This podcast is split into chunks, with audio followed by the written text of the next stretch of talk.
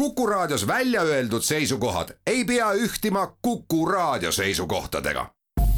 Te kuulate Kuku Raadiot.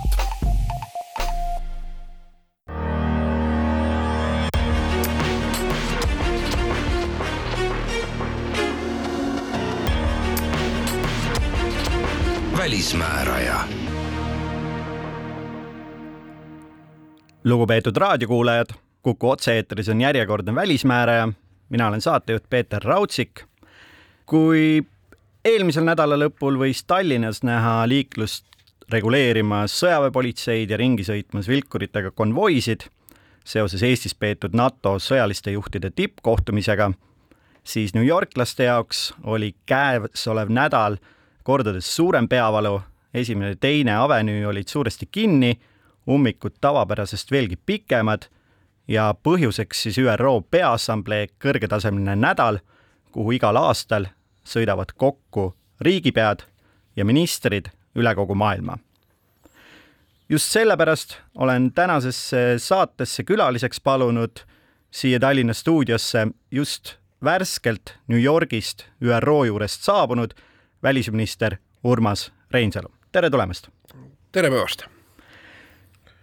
ÜRO on kaheksa aastat väldanud Ukraina sõja jooksul olnud mõnevõrra skisofreenilises olukorras, et ühelt poolt on siis Peaassambleel, mis koondab kõiki maailma riike, valitsenud hukkamõist Vene tegevuse suunas, et kohe märtsi algul võeti seal vastu dokument,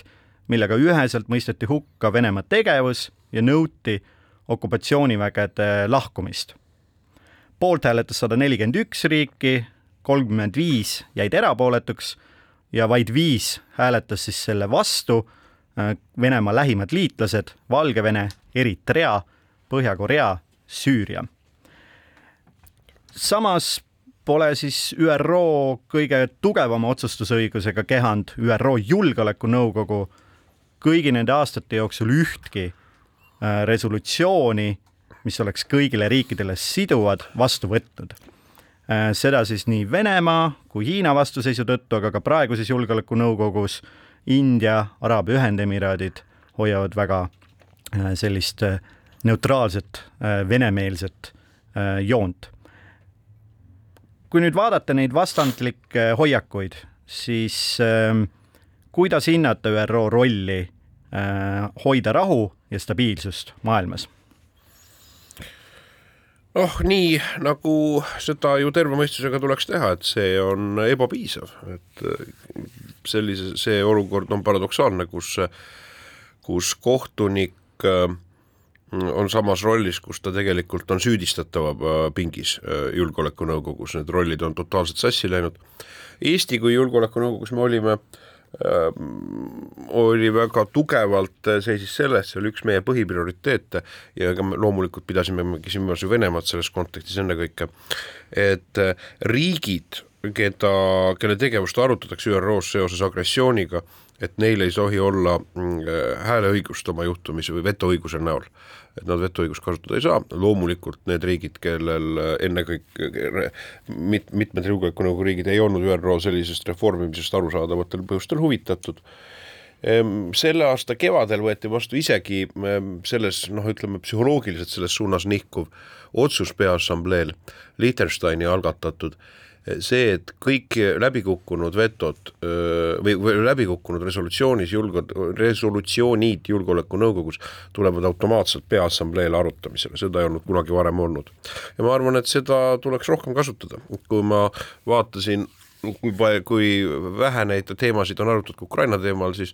minu küll sõnum oli ka ÜRO ametnikele, et ja ka teistele riikidele, et, et tegelikult tuleks neid resolutsioone Äh, algatada rohkem, et Peaassamblee neid arutab, sest praegu on niisugune olukord, et äh, noh, Venemaa, mm, et see nii-öelda tegevuste jada inimsusevastaste kuritegude täie, täiendavate agressiooniaktide näol tundub, et ta on nii massiivne, et siis kuidagi ta pihustub laiali, et ma arvan, et sellest ei tohiks, ei tohiks äh, agressiooni vastustavad ÜRO liikmesriigid, keda te, ikkagi ju tegelikkuses on, on valdav enamus, lasta ennast heidutada. ja nendele teemadele tuleks tähelepanu pöörata nüüd oligi mm, Euroopa Liidu välisministrite koosolekul äh, erakorralisel kolmapäeva õhtul äh, New Yorgis arutatigi seda teemat ja, ja oligi küsimus, et peaks algatama Euroopa Liidu riikide poolt eraldi julgeoleku või ÜRO Peaassamblee resolutsiooni, mis puudutab siis seda tuumarelva aga, küsimuse hukkamõistu. aga Peaassamblee loomulikult on selles mõttes kõvasti paindlikum, kuna Peaassamblee otsused ja need dokumendid ei ole kõigile riikidele siduvad ja traditsiooniliselt vähemalt Peaassamblee ähm, protsessid on sellised pikaajalised, noh, väga palju on nüüd tegeletud kestliku arenguga seal ja kuhu ma tahan nagu jõuda sellega, on see, et ähm, kui Julgeolekunõukogu on pigem olnud paralüseeritud erinevate kriiside lahendamisel, olgu see Ukraina, Süüria või mõni muu, Äh, siis Peaassamblee nagu oma põhiülesande täitmisel, kas nemad on hakkama saanud siis selles osas, mis puudutab kestliku arengu eesmärke, kliimapoliitikat ja kõike seda? noh, ma arvan, et siin tuleb äh, asi asetada ikkagi ka sellesse perspektiivi, et ega ÜRO-d ei saa võrrelda selliste samameelsete riikide organisatsioonidega, kuhu me kuulume nagu NATO, Euroopa Liit, midagi taolist äh, ka laias laastus Euroopa Nõukogu, kuigi seal ka mööndusi riikide noh, niisuguses äh, igakülgses joondumises teatud küsimustes, siis äh, pra-, ÜRO on ikkagi, ei, ta, ta, ta kehastab väga erinevate vaadetega riike, kus ka arusaamad inimõiguste miinimumstandardile või noh, nende minimaalsele ühisosas, ammugi veel arusaamale riikide öö, suveräänsusest või sellest, et kas, kas sõna otseses mõttes on õigust oma kodanikke hävitada, et need on märkimisväärselt öö, mitmekesised. ja noh, selles kontekstis öö, võib öelda nõnda, et äh, ka see tulemus, millele saatejuht viitas, see sada, see märtsikuine hääletus mm, -hmm. see tegelikkuses oli ikkagi väga positiivne, et see oleks võinud, aga, aga ka see ei sündinud niisama, see sündis hirmus kõva lobitöö tulemusena ja ta oleks võinud olla seal ka kümneid, mitukümmend riiki teisele poole, kas siis erapooletud või, või suisa osa vastu hääletavad nüüd jätkame selle lobitööga, mida siis tegelikult meil ja samamoodi mõtlevatel riikidel Euroopas, läänes on vaja teha, siis üheks oluliseks teemaks on äh, lähiajal äh, Valgevene, kes kandideerib siis järgmisel aastal ÜRO Julgeolekunõukogu liikmeks Ida-Euroopa grupis, kus siis varasemalt on liikmena olnud Poola, Leedu, äh, nüüd hiljuti ka Eesti ja praegu siis Albaania. Ja Valgevene kandideerimine oli justkui tehtud, selles mõttes, et vastast nendele tükk aega ei olnud sellele kohale ja nüüd viimasel hetkel äh, kandideerib Valgevene vastu Sloveenia. et millised on need sammud siis, mida siin Eesti ja Lääs astuvad, et teha nii, et Sloveenia saaks julgeolekunõukogu liikmeks ja mitte Valgevene, nii et meil oleks julgeolekunõukogus kaks Venemaad sisuliselt jah, ja see oleks noh, kohutavalt moraalselt jällegi noh, ütleme siis nii nõutuks tegev. me, see oli kõva äh, arutelu nii-öelda siis sarnaselt mõtlevate riikide mm, seas ja, ja siis äh, ma arvan, et äh, ta praeguse seisuga mm, on suur lootus, et Sloveenia seal ikkagi võidu saavutab vaja on kaks kolmandikku häältest, ehm, mis tähendab seda, et kui emb-kumb ei saa täis kahte kolmandikku, siis võidakse hääletada lõpmatult, kuni siis kellelgi võhm otsa saab. seda on ka ÜRO ajaloos olnud, mitte palju tavatult, aga just nimelt konfliktides situatsioonides, kus võib ka siis kümneid hääletusvoore hakata aset leidma ehm, siis tavaline kultuur on, et emb-kumb loobub nii-öelda, kes sellele kasuks, kuna mingisuguses siis tohutult lõpukoridoris, kes on saanud, aga noh, ma arvan, sellises vastasseisus vaevalt emb-kumb loobuma hakkab meie jaoks on oluline selle Valgevene eh, diktatuuri olemust eh, eh, selgelt tõsta es esile, see oli ka põhjus, miks Eesti ametliku delegatsiooni liige, mm, et pääseda ÜRO peakorterisse, oli ka Svetlana Tsihhanovskaja, ma arvan, et see oli oluline pretsedent, et Valgevene demokraatlik liider osales ka, oma kohtumised olid tal pea, peakorter, ÜRO peakorteris ja, ja Eesti korraldas ka eraldi ürituse Valgevene kriisist äh, maailma riikidele. Ja, ja ma ise võtsin ka osa Euroopa Liidu äh, delegatsiooni poolt korraldatud kõrgetasemelisel üritusel, mis oli Valgevene laste olukorra kohta, äh, humanitaarkriisi kohta. ja Valgevene noh, sellele mm, on reageerinud, reedel Valgevene välisministeeriumis kutsuti meie diplomaat välja ja nad oma protesti selle kohta esitasid, et me mahitame ka kriminaaluurimise all olevaid Valgevene kodanikke ja sekkume nende siseasjadesse ja siis nad rakendavad, rakendavad oma, oma samme diplomaatilisi meie suunal. me kindlasti analüüsime seda ja, ja, ja, ja vastame mõist-, oma proportsionaalsete sammudega Valgevene ebasõbralikele sammudele. aga siis ähm kui me läheme nüüd korraks, astume veel tagasi, et need reformid ähm,, nendest on väga palju juttu olnud ja siin ka nüüd just oli mainitud, et äh, üks oleks see vetoõiguse äravõtmine, aga kuidas me näeme seda, et Julgeolekunõukogu liikmeskonda üleüldse laiemalt muuta, et see peegeldaks siis tänast jõudude tasakaalu maailmas, et äh, riigid nagu India, Brasiilia, Lõuna-Aafrika on kõik rääkinud sellest, Saksamaa, et nüüd on nende aeg ja, ja seda on ka Eesti toetanud, et näiteks, et et, et Jaapanil oleks ala, oleks alaline koht Saksamaal, aga ka aga ka Indial ja ka Aafrika kontinendil. Ja seda on tegelikult äh, iseenesest paradoksina ma vaatasin, et seda mm, mis iganes kaalutlustel siis segadus, ma oletan mingit pidi segaduse külvamiseks või näid-, näidatakse, et ta sündmusi siis ka suudab laiemalt käsitleda, ma vaatasin, seda kutsus üles ka piis-, irooniliselt Lavrov oma eilses kõnes siis osundas sellele no neil on väga palju liitlasi selles seltskonnas. Ehm, neil ehm, on palju liitlasi, iseküsimus, kas nad soovivad seda Julgeolekunõukogu päästikut, alalised liikmed, ma arvan, olen kindel, suhtuvad sellesse jättes kõrvale Euroopa alalised, Euroopa nii-öelda poolsaare alalised liikmed, suhtuma mm, skeptiliselt, kui palju kõik alalised liikmed on valmis oma seda äh, mis on ikkagi väga suur nii-öelda kuldaktsia selles organisatsioonis, seda lahjendama, sest eks see igal, äh, see on juba puhtalt mänguteooria, et iga lahjendamine ju tegelikult kahandab ka mingit pidi sinu erikaalu. absoluutselt.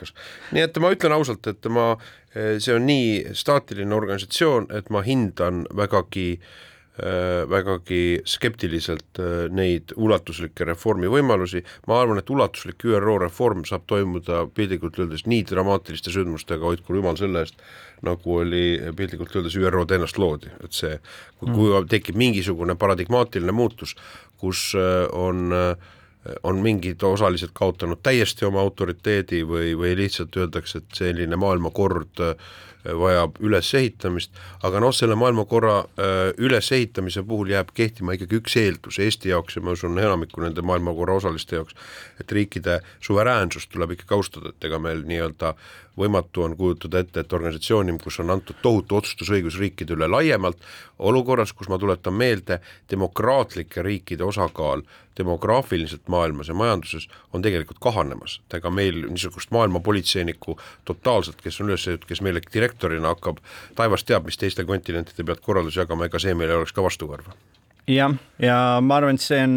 selles mõttes kindlasti õige mõte, et isegi kui riikide vahel on erimeelsused, siis päeva lõpuks nad kõik teineteist suveräänina tunnistavad ja vähemalt nad tahavad äh, kuskil sügaval selle ÜRO kui riikidevahelise foorumi tööle panna. aga me teeme praegu pisikese pausi ja siis jätkame mõne hetke pärast.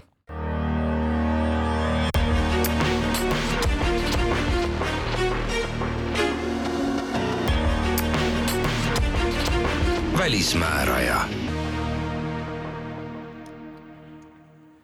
jätkame Kuku raadio otsestuudiost, kus külas on äsja New Yorgist ÜRO Peaassambleelt saabunud välisminister Urmas Reinsalu. rääkisime ennist ÜRO-st kui organisatsioonist, millel on oma head ja vead, ent lisaks sellele on ÜRO-l täita veel teinegi äh, rahvusvahelise foorumi roll. kehtib ju ütlus, et ÜRO-s räägivad kõik äh, kõigiga ja isegi, kui ma veel eelmine aasta äh, seal töötasin, siis märkasin nii mõnigi kord, kuidas omavahel sõbralikult vestlevad diplomaadid, kes ametliku laua taga äh, tegelikult teravusi vahetaks. Ehm, peaassambleel oli teil ka mitu eraldiseisvat kohtumist, et millised kahepoolsed kohtumised olid Eestile tänases julgeolekupoliitilises olukorras kõige väärtuslikumad? Jah, neid oli kusagil ligi kolmkümmend eraldi kokkusaamist, ma noh, ma usun, et äh, maailma mõjult praegusel, noh, kõik need kohtumised olid üles ehitatud selle loogikaga ikkagi Vene agressiooni, kuidas tõkestada. et Eesti, ka Eesti muuhulgas teiste riikide seas siis need, neid sõnumeid viis ja kogus ka informatsiooni riikidelt, kelle ütleme siis nii, vaade sellele ei ole sugugi nii üheplaaniline, oli India, ma arvan, maailma suurim demokraatia, mm, kes on julgeoleku, praegu Julgeolekunõukogu liikmena ikkagi äh, olnud positsioonis, kus me sooviksime näha tuntavalt äh, siis ühemõttelisemalt seda Vene agressori vastustamist, äh, ammugi veel tema tegevus Julgeolekunõukogus ähm, on olnud ka nii-öelda siis erapooletut rolli kõrvale jääv. äh, mitmes küsimuses. India, mis oli positiivne, et nüüd siis noh, positiivses suunas võib nii öelda, et kui oli Tashkendi tippkohtumisel, siis seal India peaminister Modi mm, küll väga delikaatses formuleeringus, aga ütles, et nüüd oleks aeg see sõda lõpetada mida võib tõlgendada siis ikkagi ühemõtteliselt ka märgina noh, Venemaast sammu võrra distantseerumisena. ja India välisminister siis andis oma vaate sellele, et kuidas India näeb selle sõja äh, lõpetamisele liikumist ja rõhutas seda, et jah, et mm, kahtlemata sõja lõpetamine nii-öelda kogu globaalse humanitaarkriisina, mida see inimkonnale kaasa toob, noh siis ennekõike ressursikriisina, et see on India huvides. miks see nii raskelt Indial ikkagi tuleb, et nagu te ütlesite ka, maailma suurim demokraatia, et siis hukka mõista selline sulaselge agressioon, millest sada nelikümmend kolm või viis riiki maailmas kõik ühtemoodi saavad aru Äh, eks see mitte, et ta nüüd ütleme, mul kohtumisel oleks seda väljendatud nii otsesõnu, aga aga kindlasti Indial äh, mitte põrmugi seda õigustades, aga eks neil on siis oma vaates panus, mis puudutab äh, pragmaatiliselt on, on ressursside kaubandus, on, on relvakaubandus käimas, millest siis vähemalt taktikaliselt on mingisugust edemust. Ja loomulikult on äh, üks kontekst sellel on, riikidel on ka oma suhete minevik ja kindlasti Venemaal ja me mäletame Nõukogude Liitu, et oli ka, on, suhted Indial olnud erilised ka siis nende äh, ka nii-öelda riikide ja organisatsioonidega, mis siis olid, on olnud endise lääne koloniaalse pärandiga ja mittetunnustamisliikumise osalised. nii et eks need on mingisugust konteksti asjale andvad, aga tõsi on selles, et kui me räägime lääne huvist või ka Euroopa huvist on, siis see kindlasti on, et Indiaga tugevamalt neid äh, sidemeid, eriti just nimelt Hiina mõju tasakaalustamiseks omada ja ja, ja ma kutsusin India välisministrit ka Eestisse, meil on, oli, me olime ka samal ajal Julgeolekunõukogus ja ta, nii et ma tunnen teda ka varasemast ajast, nii et ta väljendas soovi lähiajal ka Eestit, lähemas tulevikus ka Eestit külastada nii suured äh, riigid tõesti, nende veenmine võibki võib-olla võtta natuke kauem aega, kuna need protsessid seal, eriti välispoliitiline joon ei muutu ju üleöö. aga Julgeolekunõukogus on ka Araabia Ühendemiraadid praegu, kes samamoodi on tegelikult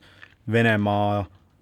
aidanud just sanktsioonidest kõrvalehiilimisel Vene kodanikele, on äh, väga palju lende otse Moskvast Dubaisse, rääkimata siis sellest, et Vene nafta äh, tegelikult jõuab täna laheriikidesse ja Araabia Ühendemiraatidesse, äh, kus seda siis segatakse ja tegelikult müüakse edasi, sealhulgas ka läände. et millised olid meie sõnumid Araabia Ühendemiraatidele? No üpris kattuvad, et selles loogikas ehm, noh, Araabia Ühendemiraadid tõepoolest omab siin ka kogu gloobusel erilist tähendust, kui praegu meil on käimas mm, siis maailmasõda, võib nii öelda, energiaressursside mm, re relvana kasutamisel, siis neil on, on, on, on seal eriline roll oma ressursi kontrolli mõttes. nüüd noh, see sõnum oli minul ühemõtteline, et et strateegiliselt äh, Vene režiim äh, on määratud ikkagi seda sõda kaotama ja lääs on äh, oma otsustes kindluses tugevam. et tegelikkuses see ei päädi, seal on võimatu, et see päädib Putini võimuduga ja vastupidi, et ka me näeme siin signaale ka avaliku meediaruumi hoiakute muutusest, et et see jää võib kiiremini murduda ja ma tuletasin meelde ka talle oma äh, enda minevikust, kui me, mina olin tõsi küll koolipoiss, aga kui kiiresti Gorbatšovi võim Nõukogude Liidus ära lagunes, üheksakümne esimese aasta augustis, et tsentraalsetesse süsteemidesse võib juhtuda vägagi kiirelt. et see oli mul sõnum ka paljudele teistele maailma riikidele kaugemalt, kes noh, vähemalt retoorikas ütles, nad usaldavad ka Eesti hinnangut, noh naaberriikide hinnangut rohkem, et nii-öelda sellele Putinile ka näiline panustamine on, ei ole vägagi ratsionaalne investeering aga mis noh, riikidel on ka kahepoolsed suhted, et me, me sellesama printsiga, kes praegu Araabia Ühendemiraatide välisminister on, ma eelmisel ametiajal korraldasime ka ülemaailmse koroonakriisi ajal digitaalse ärifoorumi ja ja nüüd me leppisime kokku, et kahekesi need kaks riiki teevad uue, ka ühe, ühe niisuguse eraldi, eraldi formaadis äri mm, mm, ärikohtumise, sest kindlasti praegu ka selle surve all, kus meie ettevõtted on, me otsime ka kaugemates kohtades oma turge ja saatkond meil seal on ja tegutseb väga edukalt. no ma arvan lihtsalt, et Araabia Ühendemiraadid sõnumeid sellest eh,, kuidas tsentraalselt tugevalt kontrollitud riik võib väga kiiresti laguneda, võtavad ikkagi teatava ohumärgina, sest et nende endi eh, riik on täpselt selline tsentraalselt tugeva julgeolekukontrolliga riik. aga eh, kolmandana puudutaks Türgit, kes on olnud võtmetegelane nii NATO-s, aga ka siis täna Ukraina sõja taustal. Türgi roll on olnud äh, kahetine, äh, on antud toetust Ukrainale, on müüdud sinna äh, droone ja samal ajal siis käib väga tihe suhtlus Venemaaga, püütud on vahendada kõnelusi kahe riigi vahel. mida Venemaa nendest kõnelustest sooda, loodab saada ja mis on siis Venemaa eesmärk tegelikult ka näiteks sellega, et Odessast äh, lubati viljaveol? no äh, Türgi noh, Türgi on meil ka ju NATO äh, partner ja me kõnelesime ka noh, NATO laienemisest, see oli teemade ring, mm, kus noh, ma tajun, et see asi ja seda ei eita keegi asjaosalistest, et et ta lõpuks päädib tulemusega, aga see protsess kujuneb tõenäoliselt üpriski piinarikkaks, võib eeldada. mis nüüd on, eks Venemaal praegu on ühelt poolt, kui ta jääb alla, on jäänud mitte alla, aga ütleme siis, et kõvad kaotused on toimunud vastupealetungis, siis ta püüab seda vägagi ja ta on olnud, ta on olnud siin vägagi mõjus, kompenseerida oma diplomaatilise rinde peale rünnakutega, püüdes siduda äh, läänt ja jättes muljet, et on olemas, see sõda nagu koosneb mingitest eraldist iseseisvatest diplomaatilistest initsiatiividest. Ähm, ja noh, Zaporožia tuumajaama ümber toimuv viljavedu, äh, noh, gaasikraani sulgemine, ka vangide vahetus, ma arvan, ei olnud ka juhus, et ka lääneriikide võitlejaid anti välja, see on ka märk Venemaalt, et et temaga peab arvestama, et ta on ka nii, et ta, ja see on kindlasti ka märk, mida meie peame tõlgendama, et Putin ei ole sugugi mingisugune nii-öelda kontrolli, noh, psühholoogiliselt sündmuste üle kaotanud nii-öelda obsessiivselt lihtsalt hullunult tegutsev, vaid et käimas on väga külmavereline diplomaatia. Eh, kus ta püüdab lääneriike lõhestada ja see on meile, ma arvan, äärmiselt ohtlikud sammud, mis ta on astunud, jättes niisugust võltsmuljet, et mingitega paralleelläbirääkimistega oleks võimalik, eh,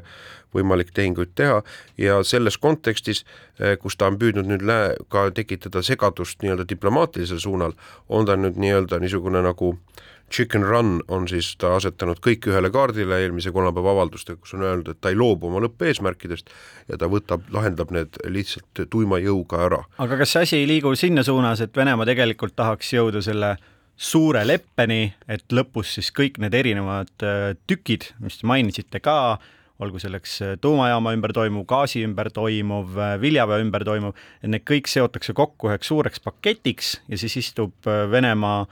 ähm, USA ja mõne teise suure riigiga maha ja siis teeb selle nii-öelda suure kokkuleppe ära, et kas see ei ole nagu see lõppeesmärk, mille poole seda asja püütakse tüürida? jah, ma ei, ma arvan, et see on täiesti tõenäoline stsenaarium, et praegu iseküsimus, kus ta jõuda tahab, aga ta püüab leida mingeid lääneriike, kes oleksid nii-öelda just nimelt Ukrainat survestavad vaderid ja et Ukraina saaks veel nii-öelda noh, moraalse löögi selja tagant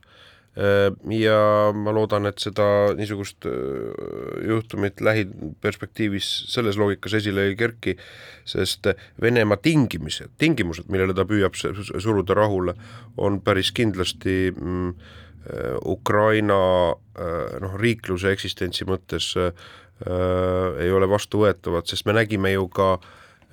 kevadest neid läbirääkimisi, mis nurjusid ju Venemaa tõttu ja kus Ukraina pani lauale neid Äh, ettepanekuid või oli valmis möönma ettepanekutega, millega ma kujutan ette, Ukraina ühiskond praegu laiemalt, jättes kõrvale isegi politsei juhtkonna eh, praegustel tingimustel ja need olid ka ju pärast Butš-, enne Butšat ja Irpinit ja neid äh,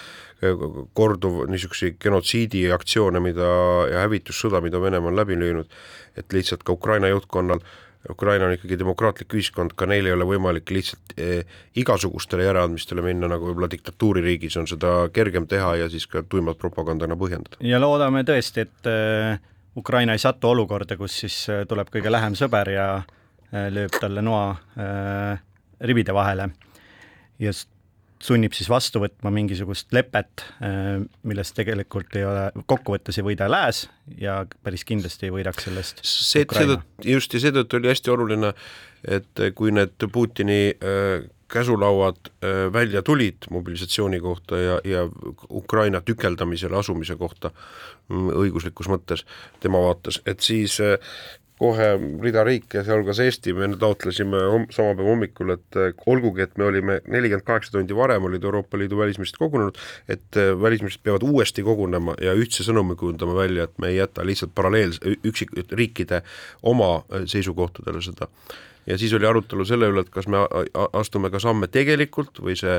avaldus jääb lihtsalt noh, retooriliseks hukkamõistuks mm. -hmm. ja mul oli ka hommikul oli kontakt Ukraina välisministriga ja küsisin, kas, kas sa oleksid valmis ka tulema äh, sinna välisministrite koosolekule ja ta oli valmis tulema ja ta tuligi, Borrell siis kutsus ta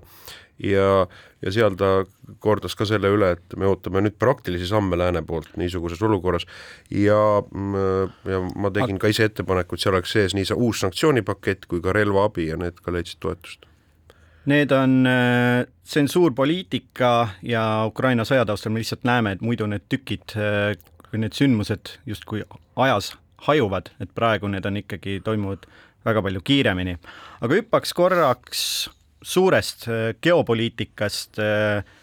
alla inimeste sekka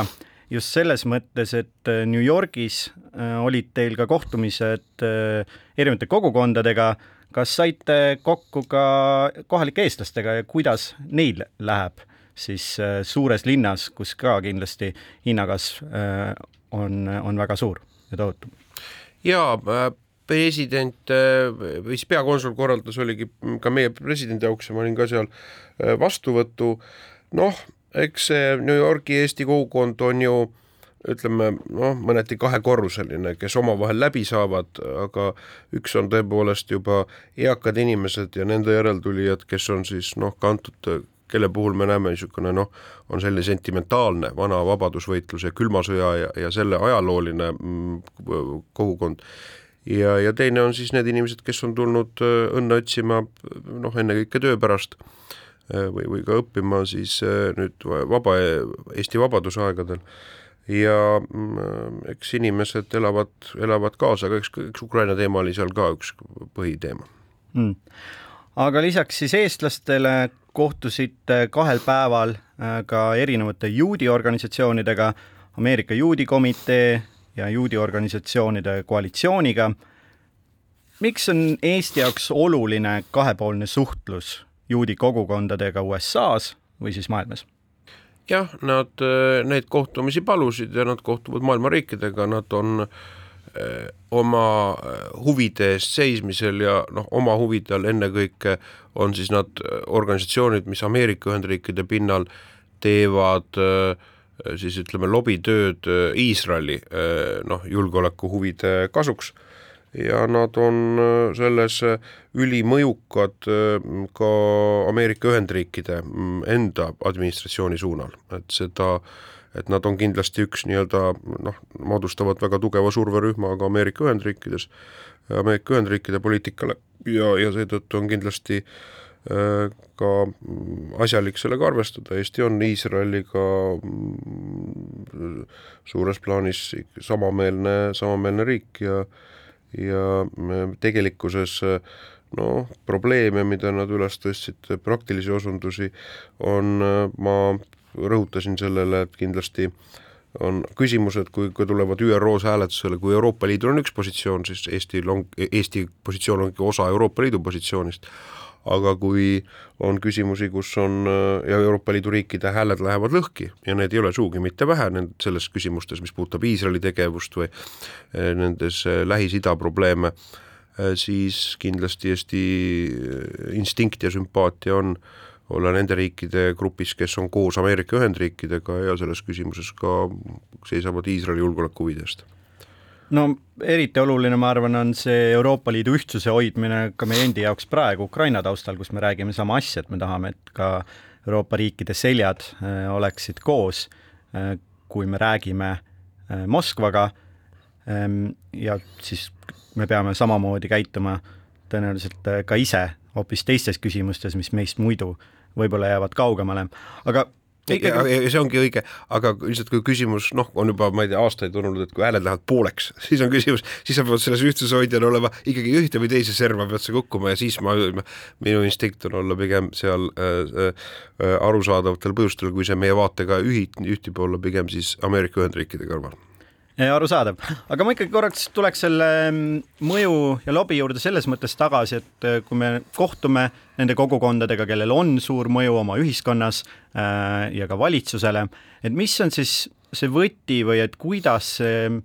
millised oleks need õppetunnid meie endi jaoks, et meil on ju endil ka üleilmse eestluse kontseptsioon, mida me ka loodame enda riigi jaoks ära kasutada, et mis need õppetunnid siis üks, kaks, kolm võiksid sealt olla meie jaoks? See on äh, küsimus naelapea pihta, ma saan, sellel reedel ongi meil eri, üle maailma siis Eesti organisatsioonidega kokkusaamine. lisaks sellele, et me arutame seda, mida on vaja teha selle jaoks, et need, et nende lastel oleks võimalik jääda eestlaseks, et eestikeelset haridust saada seal, kultuurivahetust, niisuguste äh, olmelisemate probleemide üle konsulaarabi, on, minu jaoks on jah, see põhiküsimus, et kuidas me suudaksime aidata nendel organisatsioonidel olla oma riikides, oma ühiskondades lobiorganisatsioonid ja ma arvan, et kui te tõite näiteks selle, need juudiorganisatsioonid, kes oma asja, asja ajavad vägagi veenvalt ja siis ma arvan, et meie peaksime seda püüdma ka teha koostöös meie, meie mm, siis kogukondadega, nii nagu külma sõja ajal mm, löödi trummi ja, ja ÜRO peakorteri ees vilistasid Balti kogukondade esindajad välja Gromõkot, kui ta sinna läks, siis ma arvan, et me peame tekitama ka seda olukorda, et eks demokraatlikes riikides ju ka poliitikud on mõjutatud valijatest ja kui jääb mulje, et on olemas häälekad valijarühmad või kellel on ka avaliku arvamuse mingisugune toetus, kes panevad oma siseriigis noh, ütleme siis kas kahvlisse või vähemalt kutsuvad häälekalt ülesse, siis see mõjutab, et kõik asjad mõjutavad, et ja ma arvan, et meil on äh, Ukra-, ütleme meie eluliste julgeolekuhuvide kaitseks, mis praegu on rohkem relvade, rohkem survestamine Venemaale, et selle kaitseks äh, kindlasti meil oleks hästi oluline, et aidata kaasa ka mm, igasugusel moel, et meie kogukonnad äh, leiaksid võib-olla ka niisuguse ka ideelise või aatelise printsiibi praegu ja ma ei saagi öelda, et nad seda ei teeks, aga küsimus on, et kas me saame riigi poolt neid aidata rohkem teha. no jääme ootama, sest et äh, pehme jõud on väikeriigile kindlasti oluline, kellel seda suurt ja tugevat äh, jõudu äh, napib. aga me teeme siit väikse pausi ja siis mõne aja pärast jätkame natuke teise nurga alt Eesti mõjuga äh, rahvusvahelisel maastikul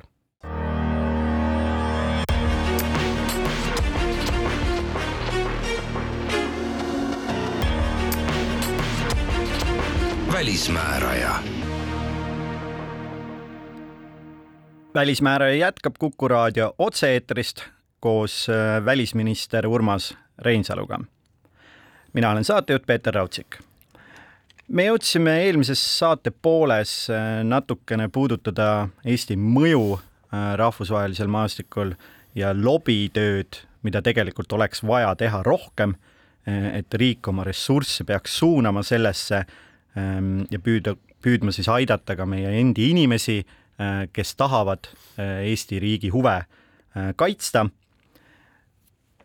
möödunud aastal me, meil lõppes liikmesus ÜRO Julgeolekunõukogus ja me oleme tegelikult näinud, kuidas paljud teised riigid on seda ära kasutanud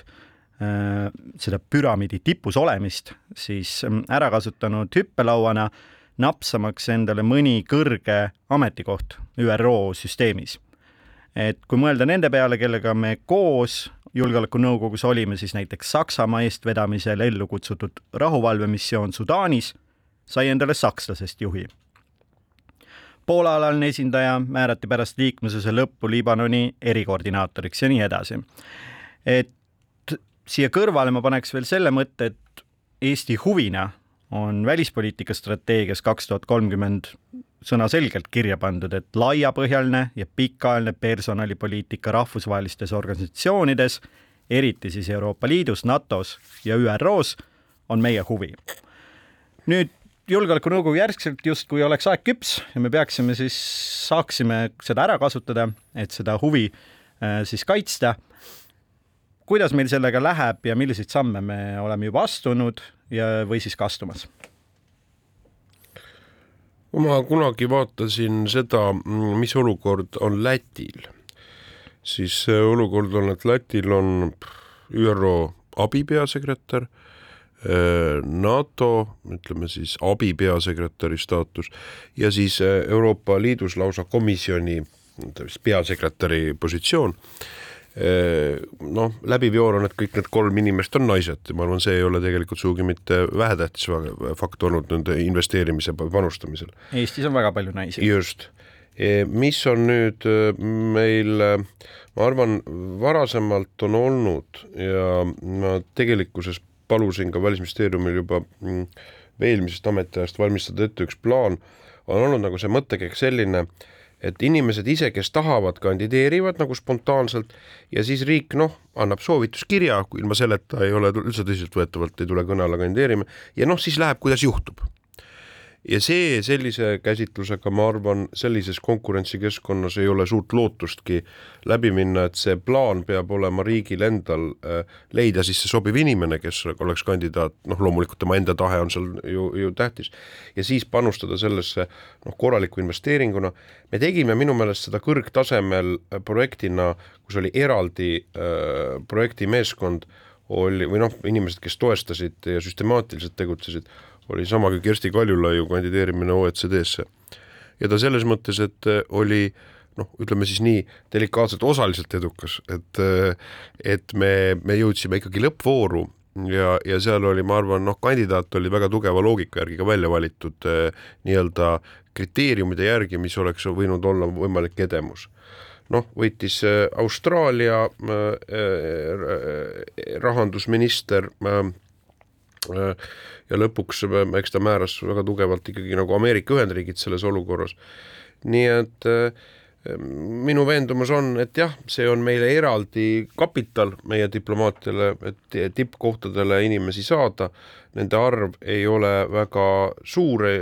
loomulikult me ei saa nii-öelda massiga lüüa, aga seda enam me peame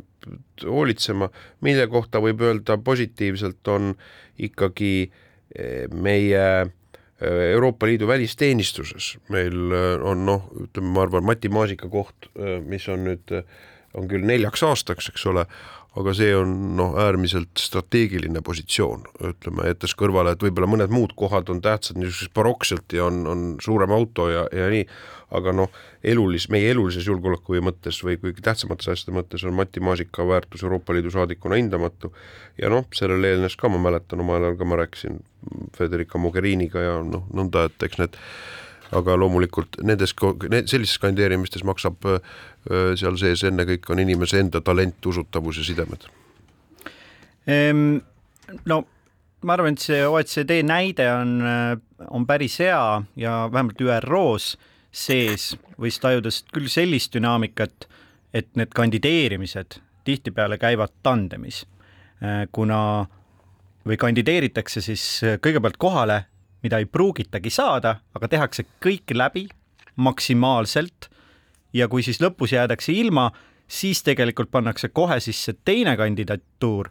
kohale, äh, mida tegelikult sooviti. et äh, kas me, kas sellist strateegiat juba mõtleme, et mitte nüüd ühe koha kaupa teeme ühe suure kampaania, äh, ei õnnestu, kohta ei saa ja siis teeme, pühime käed puhtaks ja alustame jälle nullist oleks selline jada erinevate organisatsioonide lõikes meil neid kohti, mida me tahame. Ja no iga, need organisatsioonid on ju eripalgelised erinevas kontekstis, aga noh olemas mingid asjad tõdetavus piltlikult öeldes üks ja sama inimene ei saa kandideerida kõikidele kõrgetele kohtadele läbisegi, see võib-olla ei jäta, on üht poolt, ei mõju usutavalt, aga teiselt poolt on ikkagi mingi psühholoogiline edemus paratamatult usaldusväärse kandidaadi kaudu, kui ta ka ei realiseeru, see on võimalus, on võimalus tekib, sest väga noh, kohti jaotada, jagatakse ära tegelikult erinevas mudelis, eks üks on, kus tõesti nii-öelda curriculum, curriculumi ehk inimese enda annete põhjalt, teine asi on noh, lihtsalt riikide riikide kokkulepe, et tuleb olla õigel ajal õiges kohas ja õigete inimeste poolt või riikide poolt toetatud. ja ma arvan, et kindlasti Eesti jaoks äh, meil on andekaid ka noh, ütleme siis äh, noh, diplomaatilise või rahvusvaheliselt ulatusliku kogemusega näiteks kõrgemaid sõjaväelasi palju, et kui me kõneleme ka samadest äh, rahuvalvemissioonidest, me pinda siin oleme sondeerinud mõningate ideedega, aga noh, see ei ole, hetkel see ei ole realiseerunud ehm,. kas vaatame ka väljapoole selles kontekstis äh, diplomaatiast ja sõjaväeringkondadest, et äh, siin on viimasel ajal eriti olnud väga palju juttu meie tippjuhtidest äh, ja kuidas nende ametikohti ei jõuagi siin lõputult enam ümber mängida, et anda nendele siis šanssi kandideerida rahvusvahelistele kohtadele. ja ma arvan, et see, mis puudutab äh, noh, kui me võime võtta näiteks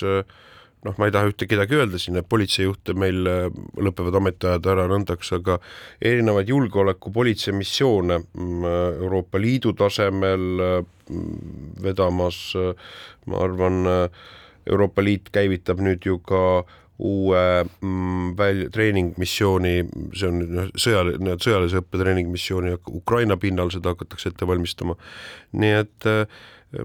see on äh, oluline, et meil on oma mõju, meil on oma informatsiooni omavad inimesed nurga tagant, see ei ole sugugi mitte vähetähtis, et me oleme nii-öelda masinas sees, et see on see väikeriigi erikaal, mis tekib, et sedavõrra on siis meie äh, riigid, poliitikutel noh, kuna see suhtlemine käib ikka ju, meil on mingisugust lisainformatsiooni, me noh, saame olla siis noh, ütleme küpsemad ka nii-öelda seda kompromisslahenduste väljapakkumiseks, mis väikeriikide positsioon ongi, et sa pead olema radikaalne, et sinu elulistest huvidest üle seist, seist, sõideta teatud küsimustes,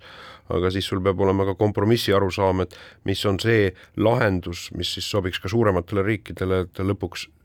sa teerulli alla ei jää. aga kas see kohtade võtmine rahvusvahelistes organisatsioonides, kas see on ikkagi selline teema, mida iga riik saab ja peabki ajama üksi, et siin nagu liitlastest ei ole enam abi ja igaüks tahab ikkagi, et nende enda inimesed jõuaksid nendele kohtadele ja meil ei ole siin siis lätlastelt võimalik väga palju toetust või soomlastelt või rootslastelt saada ikka on, kui olukorras muidugi, et neil endal ei ole vähemalt sama andekat kandidaati vastu panna. üldine instinkt on ikkagi, et et piltlikult öeldes, et äh, eurooplased toetavad eurooplast, äh, Euroopa sees äh, meie kant, Põhjala, Balti riik, laiemalt mingi julgeolekuvaldkond, Ida-Euroopa kandidaat, toetame teda, et ikkagi nii-öelda finantsvaldkonnas on võib-olla jooksevad need piirid jälle lähevad, siis lõigatakse puruks põhi ja, ja lõunasuund Euroopas, et eks need on niisugused instinktiivsed liitum-, nii-öelda ühe küla meeste ja naiste hoiakud, need peegelduvad ka sellistes rahvusvahelistes äh, toetusaktsioonides. ja viimase küsimusena, et äh, kui seesama Läti, kellest korraks oli ka juttu, kaks tuhat kuus äh, kandideeris ähm, või oli lätlane, kandideeris ÜRO peasekretäriks Balti riikide ettepanekul ja tõepoolest oma külamehed panid seljad kokku ja Vaira Fike-Freiberga kandidatuur üles seati temast ÜRO peasekretäri küll ei saanud. et millal siis on nüüd see moment, et kui meil välispoliitika strateegia ütleb, et kaks tuhat kolmkümmend hakatakse tagasi vaatama, et kas me oleme saavutanud öö, ähm, oma eesmärgid oma inimeste aitamisel ja panemisel siis rahvusvaheliste organisatsioonide juhtstruktuuridesse. millal on siis see moment, äh, kui nüüd niimoodi vaadata tulevikku, kui eestlane kandideeriks ja saaks ÜRO eriesindaja, ase või siis peasekretäri koha? no ma olen kindel, et see aeg tuleb, et eks et, et selleks, et võita sõiduautot äh, loteriil, tuleb neid pileteid osta ja mm, äh, aga küsimus on selles, et äh, meil järgmisel aastal Eesti on ÜRO Peaassamblee asepresident tõsi küll, see on see koht, mis on siis nagu pagunite järgi, seda täidab siis meil suursaadik. me oleme kaks tuhat viiskümmend uuesti, soovime olla julgeolekunõukogu liige, nii et selles küsida, et kahtlemata meie kogu diplomaatia aur, vile ja aur ja jõud, mis on ja tõesti noh, diplomaadid töötavad öö, ööpäevaringselt, läheb praegu Ukraina võidu toetamisele, me saame aru, et see on meile väärtuspõhiselt, aga siis, et me ise ellu jääme, on kõige olulisem. aga selle kõrval, et me oleksime mõjukamad, muuhulgas ka enda julgeoleku eest seismises praeguses kaoses, on ülioluline, et meil oleks suurem mõju. Nii et äh, ikkagi selle kümnendi jooksul siis? tuleb pingutada ja ma tean, Eesti diplomaadid on selleks valmis äh, selle mõttega on hea lõpetada äh, ja siis kaks tuhat kolmkümmend kindlasti vaatame tagasi selle eesmärgi täitmisele siin saates. Ähm, aitäh, välisminister Urmas Reinsalu tulemast Välismääraja otsesaatesse. Ähm, täna lõpetame, mina olen saatejuht Peeter Raudsik ja Välismääraja on eetris siis uuesti juba järgmisel pühapäeval kell üksteist.